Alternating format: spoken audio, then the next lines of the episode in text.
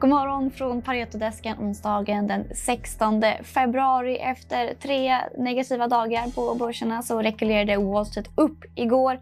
Putin sa att Ryssland inte vill ha krig i Ukraina och börserna hämtade andan. S&P förhandeln stängde på plus 1,6 procent, Nasdaq plus 2,5 procent och tillväxtaktier utperformade, utperformade slog kan man säga. Alla outperformade, vilket språk man nu vill använda. Men i alla fall, de outperformade värdeaktier igår.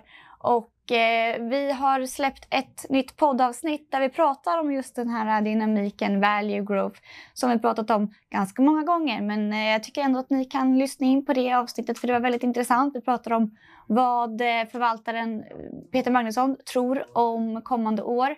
Han tror att det kommer bli lite volatilt. Hur positionerar han sig inför det? Och sen pratar vi också om när eh, inflationen toppar och när det är dags att börja köpa tillväxt och tech igen. Så in och lyssna på Pareto Podcast i din podcastspelare. Vi kan också nämna att eh, Signup har rapporterat nu under morgonen. Vad är din first take på den rapporten, Georg? Ja, det stämmer. Så det var ju första rapporten som noterat bolag noterade ju SignUp i eh, slutet av förra året. Eh, det var en väldigt stark rapport får man säga. Växer ARR en 11% sekventiellt. 45 eh, nästan eh, jämfört med Q4 förra året jag ska sättas i relation till deras finansiella mål som är 25% i ARR-tillväxt årligen. Så väldigt stark avslutning på, på 2021 eh, som eh, båda gott i framtiden och har ju framförallt i USA där de har byggt upp en organisation nu som har bra tillväxt men även i Australien som är en enorm tillväxtmarknad för, för bolaget som, som tuggar på i hög takt. Mm. Eh, värt att komma ihåg är att marginalerna nu kommer kom in 11% ungefär på ebita-marginalen, vilket är liksom ganska långt under historiska snittet. Men det är, eh, det det är liksom helt i linje med vad vi hade förväntat oss. De skalar upp organisationen rejält och bland annat i USA som sagt. Eh, så personalkostnaderna ökar 50 procent jämfört med mot eh, föregående år.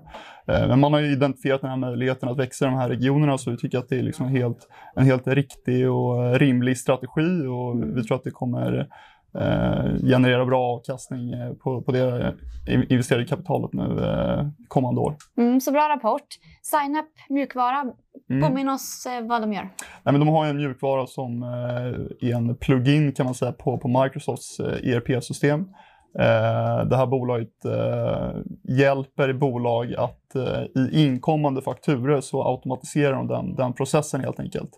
Eh, kan tyckas vara en eh, liksom ganska simpel produkt men eh, de har extremt fina siffror historiskt med, med lönsam tillväxt och en churn som är runt 2 Så det är ju, mm. om man jämför med branschkollegor så är det ju väldigt imponerande siffror och trots det så handlas de till liksom en ganska kraftig rabatt mot, mot Lime och andra SaaS-bolag som är noterade här, vilket vi tycker inte riktigt är befogat. Så vi ser liksom bra potential i den här den här mm. aktien är med i vår eh, modellportfölj också. Så mm. Vi är positiva och den här rapporten var egentligen en bekräftelse på, på den, det starka momentumet som, som finns i bolaget. Mm, SAS-bolag är ju alltid trevligt att prata skalbarhet. Mm. Hur skalbart är det här?